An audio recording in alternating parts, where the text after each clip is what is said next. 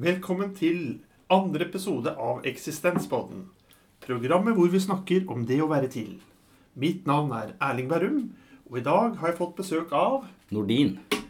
eh, Du er anbefalt av August Ingolfsson, vår første gjest. Og du vil beskrive deg selv som En person som er glad i å tenke og bli utfordret eh, på, på ens tanker. da. Liker å diskutere. Da passer du bra til dette programmet. Eh, Du har også blitt bedt om å velge en grunnleggende dimensjon, dimensjon ved det å være til som menneske. Eh, Hva har du valgt som tema for dagen? Det temaet jeg har valgt, er eh, en sånn undring over at man, man ikke utnytter livets muligheter. da. Ja. Sånn, folk har kanskje vært det, mange kan føle på at man har vært i en situasjon hvor man veit inni seg at her er det mulighet, eller jeg bør gjøre noe. Men så griper man ikke tak i det. Har du noen eksempler på det? hvor... Det kan være noe, det behøver ikke være så veldig stort engang. Det kan være noe liksom litt mer dagligdags. da, Som at man har en ambisjon om å ta seg en del joggeturer. Jeg er hypp på å være en, en som, som jogger. Ta meg joggeturer. Du har det som et mål, og så, og så, og så utnytter du ikke den, den muligheten til å gjøre det. Som, som om man blir drevet i en annen retning, da. Eller at man kanskje har en, et ønske om vet du hva, jeg har lyst til å bli musiker. Eller i hvert fall lære meg å spille gitar. Ja. Og du veit du har en mulighet, i stand, i forstand, fordi du er ung nok og har tid til å utvikle det, det talentet, f.eks. Og ikke gjør det. Hvorfor ikke? Hva, hva er det det koker ned til? Er det mangel på Er det liksom helt enkelt? Er det motivasjon, eller er det frykt? Det er mange som sier at eh, frykt definerer veldig mye av det vi gjør og ikke gjør. Ja. Eh, kan også være feighet. Mm. Eh, kan også være konformisme. Ja. Ja, det er veldig godt å ligge på sofaen og, og råtne på rot. ja, og ikke tørre å, å å ta seg ut, på en måte. Ja. Og bli merka. Er det det, liksom?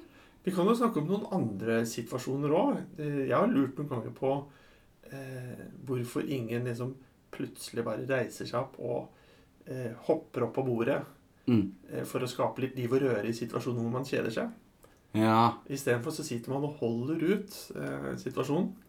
Mm. Har du hatt noen sånne situasjoner hvor du liksom eh, Jeg har kanskje lyst til å bare liksom dra ned lua på en person som du syns bør slutte å prate. Har du hatt noen sånne Ja, jeg kan kjenne meg igjen i det. Jeg veit ikke om jeg har et konkret eksempel nå, men en sånn situasjon hvor det er kanskje stemningen døde litt, da. Ja. Og du veit Du vet at alle tenker at det er sånn, Ja. men ingen sier det. Så av det, fordi det ikke har blitt sagt, så kan folk late som om at det faktisk ikke er tingens tilstand. Ja. At det er ingen stemning akkurat nå. Ikke sant? Bare, du bare hører klirring og ikke noe lyd. Og du vet at Vet du hva? Hvis noen bare sier ja, eller bare forteller en vits, eller bare Bare, bare dreier stemningen i en annen retning, så blir det annerledes. Men så, så gjør man ikke det. Og da, da lurer jeg på om det er fordi folk eh, tenker Altså, det varer jo ikke for alltid. Altså, selve situasjonen som er klein og, og ek, ubehagelig. Ja. Ubehaget varer jo ikke for alltid, men man oppfører seg som om det på en måte gjør det. Hvis du skjønner hva jeg mener. Hvis man på en måte bare innser at vet du hva, det her, som akkurat nå er ubehagelig, kommer ikke til å vare for alltid. Kanskje man da tør å gjøre noe annet. Fordi man må ta en sjanse. Så om man da så feiler, så vil også det ikke vare for alltid. Ikke sant? Vet ikke om du, om du skjønner hva jeg mener med det? Jo da, jeg, jeg, skjønner, jeg skjønner det. Um, der kan jeg liksom dra en parallell til, eh, til Nietzsche. da. Okay. Han hadde noe han kalte for granittanker. Jeg liker ordet granittanker. Ja, det høres ganske voldsomt ut. Ja, og han ehm, Han hadde et, en granittanke som handlet, handlet om evighetens gjenkomst. Og det vil si at eh, alt det du gjør i øyeblikket, skal du gjøre til evig tid. Hmm. Så du skal leve det om igjen og om igjen, det du gjør nå, da. Noen kan jo kanskje bli litt handlingslammet av det. Men det kanskje sier også noe viktigheten av å gjøre det du ønsker, da. Det som ligger i deg som en mulighet. Viktigheten av å agere på det. Hvis du skjønner hva jeg mener? Fordi okay. det du gjør nå, det skal du gjøre til evig tid. oh, ja, så, eh, det han mener er hvis, hvis du forestiller at vet du hva, dette her er noe du skal gjøre til evig tid, Og evig eh, i betydningen noe som kommer igjen og igjen og igjen. Og da skal det være verdt det, på en måte, da? Er det Ja, det? ja, da, da bør du liksom leve på en måte som gjør at du kan leve det livet til evig tid, da. Og det kalte han en granittanke. Det er i hvert fall min fortolkning av det, da. Ok. Eh, men så har du, hvis vi går inn på liksom andre muligheter Mm. Har du vært borti noe sånn i din ungdom eller liv Noen sånne relasjonelle muligheter? Eh, hvor du står eh, ved siden av en du har veldig sterke, gode følelser for, Mm. og har lyst til å liksom ta et initiativ, da. Det er en mulighet for at du kan liksom gå bort og, og, og be om å få holde hånd, eller be om en dans, og så blir det ikke noe av. Har du Ja. vært borti noen sånne typer muligheter? Ja, sånne muligheter. Ja, det, det har jeg jo vært borti. Ja. Og det, det Ja, det er sånne ting man eh, føler at bare er litt sånn tapt, da. Ja. På, på en måte. Ting kan jo forandre seg, og folk kan gå bort. Så jeg har opplevd at folk har gått bort. Ja. Gått bort hvordan da? Sånn. Som ikke lever lenger, da. Ja. Og så er det, veldig, det er en ubehagelig følelse å sitte igjen med og tenke, vet du hva Ting som er usagt. Oh, ja. Ikke sant? Ikke at uh, Bare det å snakke fra hjertet, da. Ja. Ikke sant? Hvis det er, det er noen man er glad i, så veit man jo Kanskje begge vet at man er glad i hverandre, men når det ikke, ikke, ikke har blitt sagt på en ordentlig måte Mm. noensinne, så er det ikke, det, det blir, det, I stedet for å lete et- etter en anledning, så kan man kanskje bare skape en anledning til å stadfeste faktisk hva man føler for noen, da. Våge. Våge, rett og slett. Ja. Og ikke vente på at toget skal komme, bare sette banekurs. Og, og, og du vil dit, Ja. så du må ikke vente på at noen skal plukke deg opp. Bare dra dit. Da vil jeg sitere meg selv. Jeg skriver noen sånne små snutter. Ja. Og en av de er sånn Bare jeg blir ferdig med livet, så jeg får begynt å leve. Det der Så- var egentlig veldig Det er der er liksom en sånn utkrystallisering av akkurat den følelsen der. Ja, det er, jeg tror det er viktig, eh, viktig å, å ta i bruk livet i den grad du klarer. Og hvis du ikke klarer, så tren deg opp. da. Tren deg opp på å bli tøffere til å ta i bruk livets muligheter. Jeg liker gjerne å høre på eldre mennesker og hva de sier på slutten av livet, og hvilken klokskap de sitter igjen med. Og eh, en ting jeg har hørt mange eldre og lest mange eldre skrive om, da, det er den derre Om det er klisjé eller ikke, spiller ingen rolle, men eh, jeg angrer ikke på det eh, jeg har gjort. Jeg angrer på det jeg ikke gjorde. Ja. Og hvis du kobler det til Edith Piaf Je ne regrette rien. Jeg angrer på ingenting. Å være sterk til det, da. Å være sterk til å på en måte eie sitt liv, sine valg, eh, på godt og vondt. Eh, så kanskje vi kunne ha levet litt mer, da. Mm. Det krever jo litt av oss. Jeg tror det. Jeg har opplevd noen ganger at folk på, at man lever livet som om det varer for alltid. Ja. Hvis det er virkelig en ting man kan vite om livet, er at det ikke Iallfall dette livet. Man kan være uenig om, om, eh, om det er et etterliv eller ikke. Men en ting som er sikkert, er at dette, sikkert er at dette livet ikke varer for alltid. Men folk lever som om livet faktisk varer for alltid. At man, det kommer en ny sjanse. Man kan, det er en sånn slumreknapp som alltid er tilgjengelig. Da. Og den slumreknappen, den blir trykket på. Men den slumreknappen, jeg skal komme litt tilbake til den. Eh, og stikkordet der er Odd Børresen. Mm. Så hvis du bare husker det litt. Mm, okay. Eh, men jeg vil bare sende, snakke litt eh, her med at vi er evige vesener og lever for alltid. Så tror jeg også det handler om en balanse, da. For jeg opplever veldig mye i livet handler om å finne gode balanser. Eh, det snakket faktisk August eh, Ingolfsen og jeg om også i første program. Men her er vi inne på en balanse som handler litt mellom eh, e å leve som du er evig, som du sier, på den ene siden, og på den andre siden så er det den derre leve som du skal dø i morgen. Jeg syns det blir litt ekstremt òg, da. Hvis du skjønner. For da, da, er det jo, da løper vi ut i panikk og liksom eh, skriker og skråler i hva vi gjør. Ja. Så, men, men likevel så blir det sånn pendel, da. Er du liksom Er du imellom det at du skal dø når som helst, og at du skal leve evig, Ja. så er vi kanskje litt for nærme den derre evighetsdimensjonen, da, som om vi var evige vesener. Mm. Og kunne kanskje bevege oss noe mer mot eh, det at vi kan dø når som helst. Det er jo mange som sier det, og som snakker om det, Mm. og som fort glemmer det. Og da kommer jeg tilbake til Odd Børresen, da, fordi Ok. eh, han var kreftsyk eh, i sitt liv. Odd Børresen, om du kjenner til han? Eh, Eh, navnet ringer en bjelle, men du må for all del eh, gi meg en sånn norsk forfatter, humorist og, og sanger eh, som var veldig folkekjær, og som døde for noen år siden. Mm.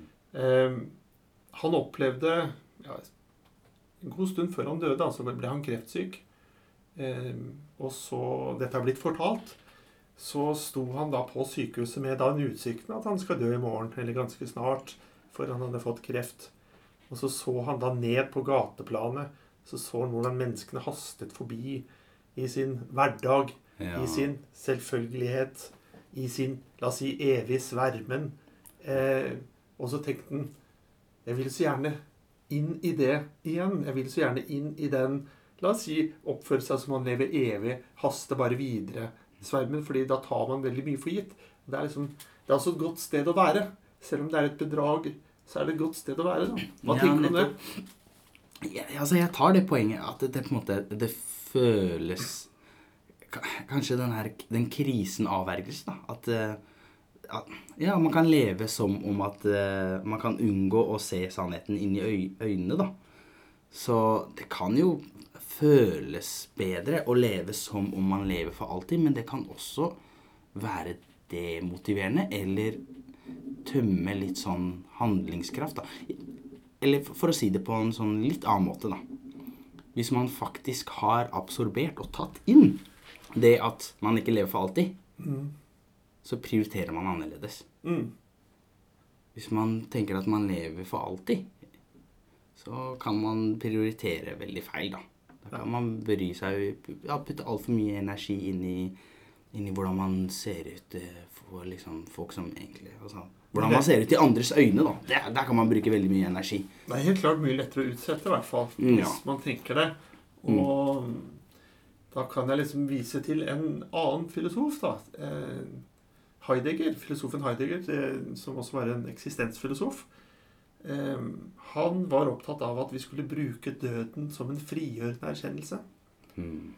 Og da handler det om at du skal tenke på at du skal dø hver dag.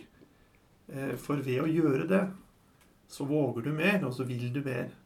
Helt i tråd med det du sier, da. Mm. Så jeg har selv noen ganger prøvd å tenke på det hvis jeg er i situasjoner hvor jeg kanskje er liksom nervøs for møte mennesker, store forsamlinger og sånne ting. Så prøver jeg liksom å få perspektiv på det. Og Da har jeg prøvd å tenke på det. Nå må jeg ikke glemme at jeg skal dø. Mm. Hvor farlig er det å liksom gå inn i denne situasjonen? Sant? Da kan man bruke den tanken veldig aktivt. da, For å heller gripe den muligheten og det øyeblikket man går inn i. Og jeg syns det er veldig snodig der. Den ene og samme tanken kan være både befriende og samtidig så skremmende. Ja. Og hvis man faller inn i at den, den tanken er skremmende, så rødglød skremmende at man, ikke, at man velger faktisk å se helt bort ifra det. Med en gang den tanken melder seg, bare litt, bare, bare lukten av den, Mm. Så dytter man den helt bort og går i det andre moduset. Det med at man faktisk aldri skal dø, da. Man oppfører seg på den omvendte måten.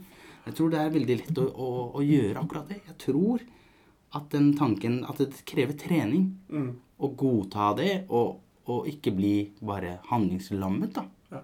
Ikke sant? Å bruke den sannheten til noe positivt, da. Mm. Jeg syns det er verdt å tenke også du sier det med litt. Eh, jeg tror buddhistene eh, er bare opptatt av at man skulle kunne tenke på døden litt, men ikke for mye. Mm. Og det tror jeg er liksom, ligger mye sannhet i det. da. Eh, at du skal ikke tenke for mye på døden, for det gjør bare vondt i hodet. Det er egentlig det er egentlig et selvbedrag å tro at du kan erkjenne noe som ikke er, så lenge du selv er eksisterende. da. Sånn, ja. Ja, Du må egentlig være død for å kunne erkjenne døden. hvis du skjønner tegningen. Det er fordi Hvis du tenker for mye på det, så er det som å liksom vri opp hjernen som en sånn vaskeklut.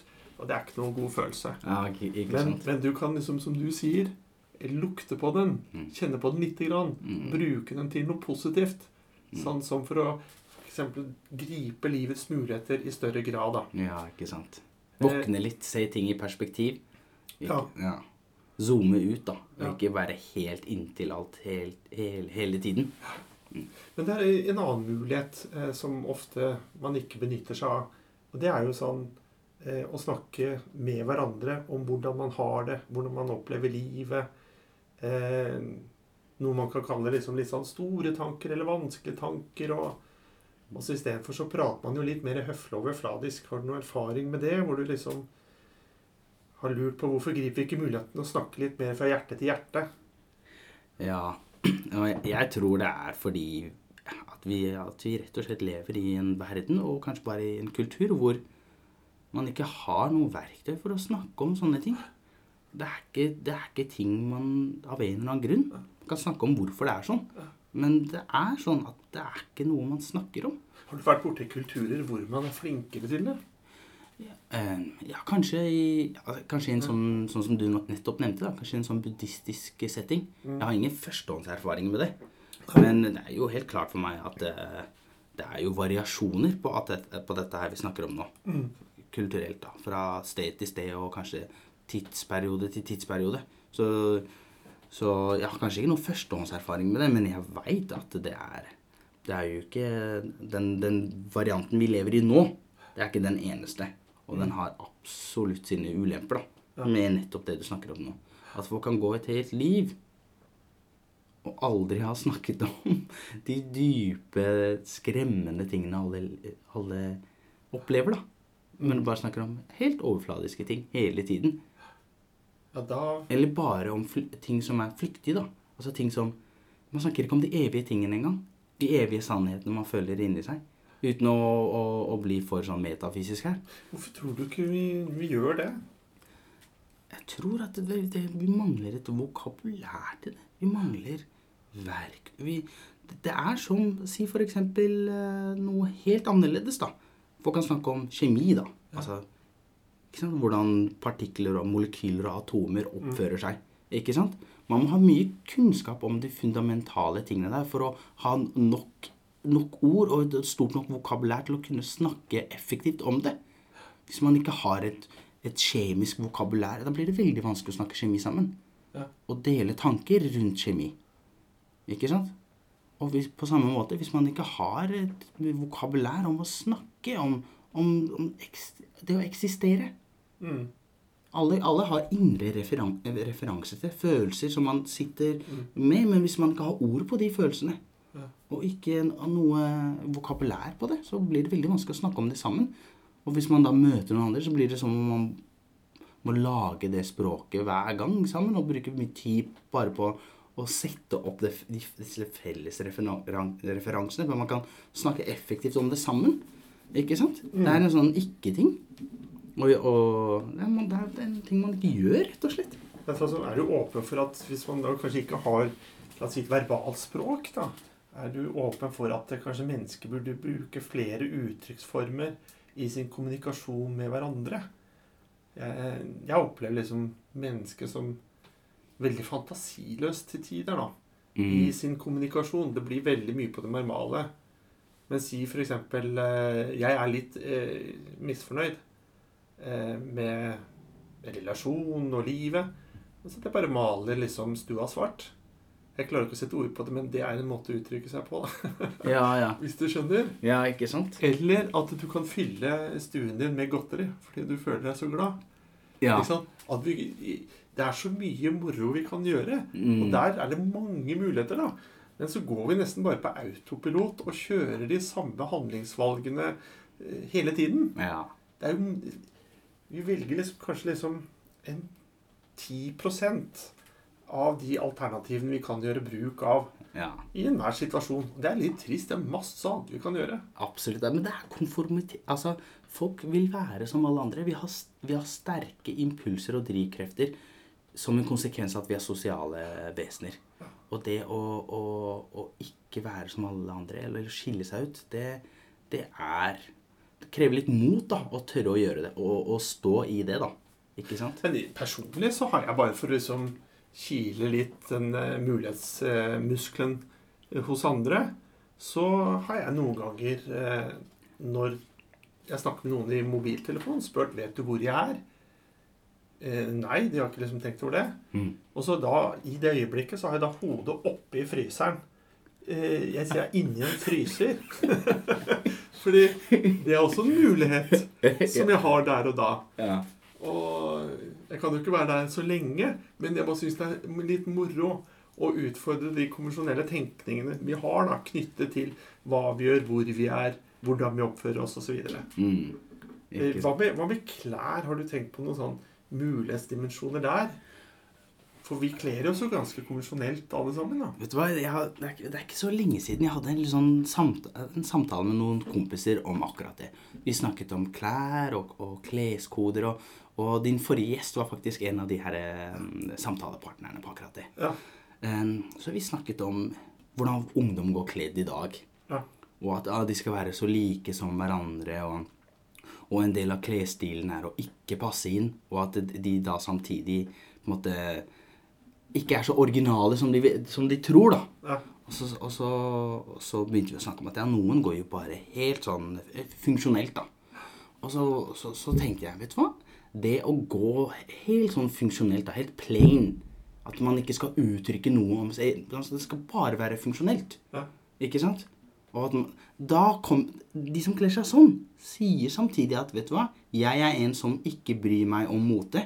Og det er, samt, det er også en ytring gjennom klesvalg. Ja. Så det er veldig vanskelig å unnslippe en, det der med, med motevalg og, og, og, og hva man kommuniserer via det, da. Hvis du skjønner hva jeg mener? ja, ja. Du kommuniserer uansett. Mm. Jeg er jo personlig ikke så opptatt av eh, verken mote eller noe. Jeg vil helst ikke bli oppfattet på noen som helst måte. Men jeg blir jo fortolket. Ja. Jeg blir jo det. Så det, det, akkurat det der er jo vanskelig å unnslippe, da. Og, og det å påstå Jeg vet ikke, går det an å faktisk være en som ikke har noe å si om, om seg selv, på en måte, en, via sin Går det an å kommunisere absolutt ingenting via, med sitt klesvalg? En ting man kan være enig om, er at hvis man ikke går med noe som helst klær, da, og i en setting hvor alle går med klær, da snakker man veldig høyt om noe.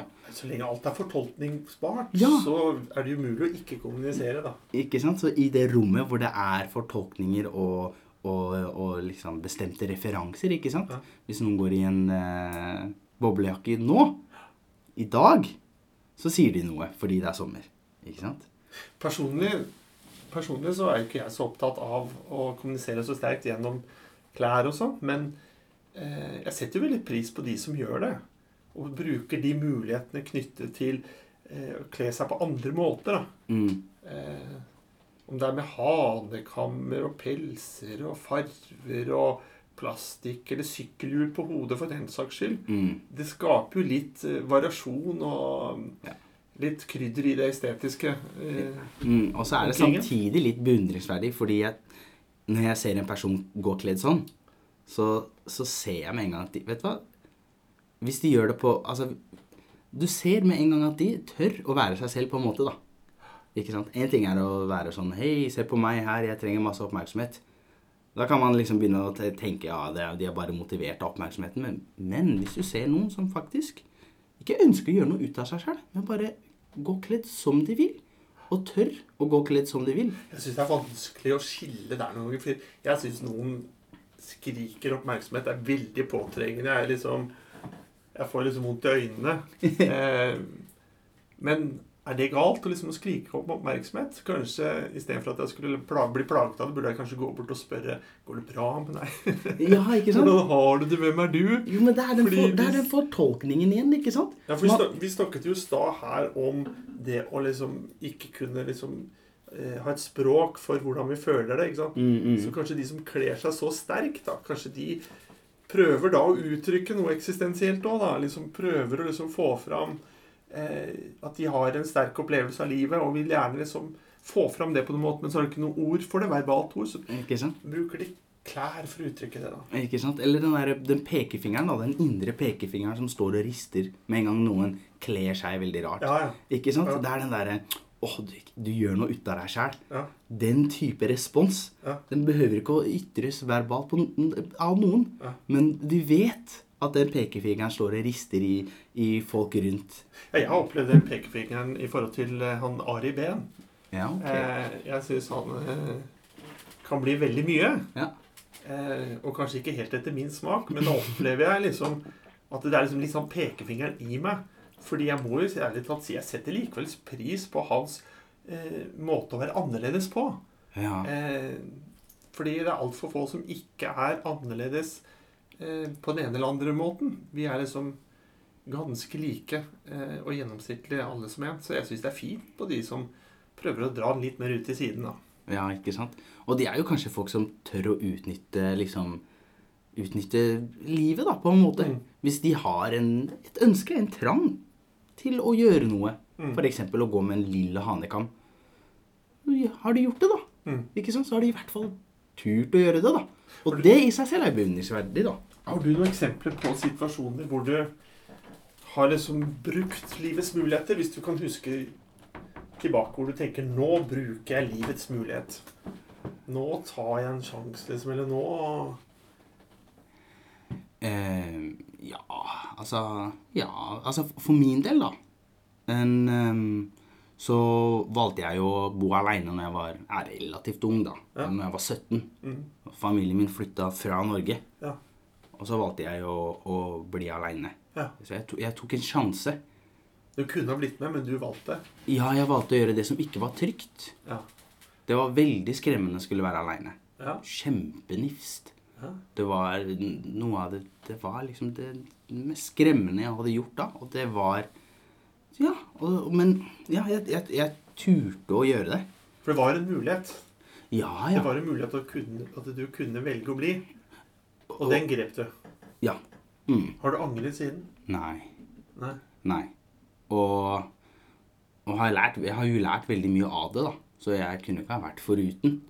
Men det kom jo av at jeg valgte Jeg turte å, måte, å, stå, å ta det valget, da. Og, og stå i det. Kan det være noe sånn selvforsterkende i, eh, i det å først gripe én mulighet, utnytte en annen mulighet? Øker det sannsynligvis for at du kanskje da tar liksom i bruk av tredje mulighet? Ja. Det, at det, det å gripe livets muligheter også er en muskel? Det er det. Og, og en, en mulighet utnyttet føder en annen mulighet. Sånn, sånn er det ofte. At Ja. man rir på bølger av muligheter. Ja. Og at en, en, en liten mulighet i begynnelsen, en liten bølge der, kan liksom lede til større og større bølger og, og skape et momentum da, i en, en, en bestemt retning Ja. som leder en til uante muligheter. Jeg har jo vist til Nietzsche to ganger allerede i dag. Men en tredje gang eh, Det handler om at eh, han var jo også veldig opptatt av at vi skulle utfordre oss selv minst én gang om dagen. da. Og det er for å liksom kanskje da trene opp denne muskelen da, til å våge, ville, gripe mulighetene. Mm. Er du flink til å utfordre deg selv? Eh, vet du hva? Det, det Nei. Nei? Jeg vil ikke si at det er dårlig, men det er i hvert fall noe jeg kan være bedre til. Ja, absolutt. Og på det daglige da, jeg, har nest, altså, jeg har ikke den praksis. Har du noen eksempler på hvordan man kan ha en sånn daglig praksis på å utfordre seg selv hver dag? Ja, det kan jeg komme med. Det, eh, det kan f.eks. være å si noe eh, kleint eh, eller noe eh, dårlig til andre mennesker som ikke har noe, noe mening, og som gjør at andre mennesker lurer på hva i all verden er det du snakker om.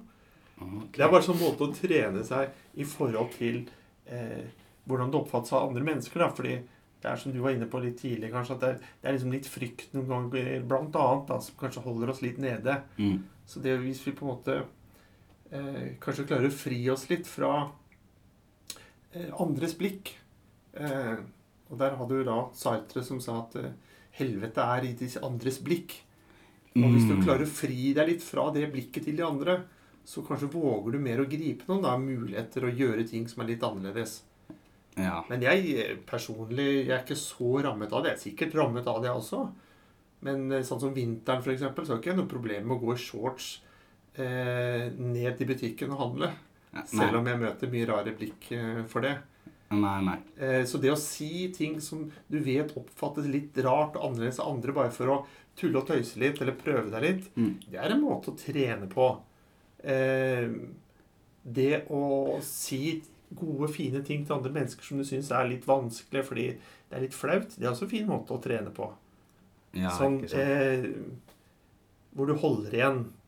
Vi merker jo hele tiden inni oss hvor vi holder igjen. Og da kan vi jo liksom tenke på Ja, da vet jeg hva jeg skulle trene på i dag. Ja, ikke sant. Jeg tror mange ting som er en eh, har verdi, som folk ønsker seg, er sånne, sånne ting som ikke kommer ved sånne aha-opplevelser, da. Og ikke ved innsikt, men via praksis da, og trening. Ja. Ikke sant? Og da, da er det jo ikke bare Det er ikke bare et endemål, men det er den derre Det er den utviklingen, da, den, den, den retningen man velger å gå i. Den derre repetisjon, på en måte. En, en treningssak, da. Det er så mange ting i livet som ikke bare er sånn- En setning, da. En sånn fakt... En sånn, sånn, sånn, det er ikke noe empirisk, på en måte, for å bruke et sånt uttrykk, da. Jeg ser nå at eh, tiden nærmer seg avslutning av eh, dagens episode. Mm. Eh, Så vi kan jo begynne å avslutte. Jeg må jo bare si sånn i forhold til det å gripe mulighetene. Det er mange måter å betrakte livet på, da. Og hvordan du vil livet skal være. Noen kan se på det som en straffekoloni. Noen kan se på det som arbeidsleir. Noen kan se på det som en eventyrpark. Mm. eh, osv. Livet kan være så veldig, veldig mye, da. Eh, personlig så mener jeg jo at det kunne jo i større grad være litt mer en eventyrpark, da. Hvor liksom det Hvis du tenker på eh, miraklet over at vi er flere enn én, Ja. det er veldig gøy, da. Og jeg mener at du trenger egentlig bare å ha to eh, for å lage en fest, da. I, i, i hverdagen, på et butikkhjørne, eh, på en arbeidssituasjon, så trenger vi bare to.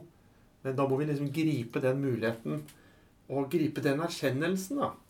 At nå er vi to til stede i tiden sammen. Hvor kult er ikke det? Og, og hva kan vi gjøre med det? Så hvis du avslutningsvis skal liksom si noe sånn Er det noen muligheter du kunne tenke deg å gripe i større grad? En ting er at man stusser over at andre ikke griper eh, mange av livets muligheter, men er det en mulighet, i, en mulighet i livet som du kunne tenke deg å gripe? Nei, vet du hva? En ting som En mulighet jeg skulle ønske jeg var flinkere til å gripe, og det er å, å tørre å være mer utfordrende. Noen ganger så er det liksom sånn Man kan ha en følelse av å, å ønske å skåne folk på en måte, da. Mm. Ikke sant? Man har en mening, eller har en uenighet, og så velger man ikke å si det. Fordi man ønsker å skåne noen. Og det å skåne folk, det er samtidig litt sånn eh, Det er litt arrogant, da. Du velger, fordi jeg, på en annen måte, når man i gåseøynene skåner folk, så tar man også et valg på vegne av dem. Du har på forhånd bestemt hva. Dette her kan takler ikke denne personen. Så jeg velger å ikke si det. Selv om jeg føler at det er sant. Du holder tilbake en sannhet hvis den sannheten kun er en sannhet om hva du selv mener. Ikke sant? Men du velger å holde den tilbake. Jeg skulle ønske jeg var flinkere til å tørre å være utfordrende på den måten her, da. Da tenker jeg det kan være en sånn fin eh, oppsummering av, av dagens episode. Eh, grip muligheten til å utfordre de neste. Ja. Og så takker jeg så mye for at du kunne stille opp i dag. Takk Eh, selv. Og takk for en god samtale. Jeg vil også takke eh, for følget til deg som lytter, og jeg vil takke til Semming for åpning og avslutningsmelodi. Dette har vært vårt andre program med Eksistenspodden. Vi høres igjen, og inntil da, ha det bedre enn bra.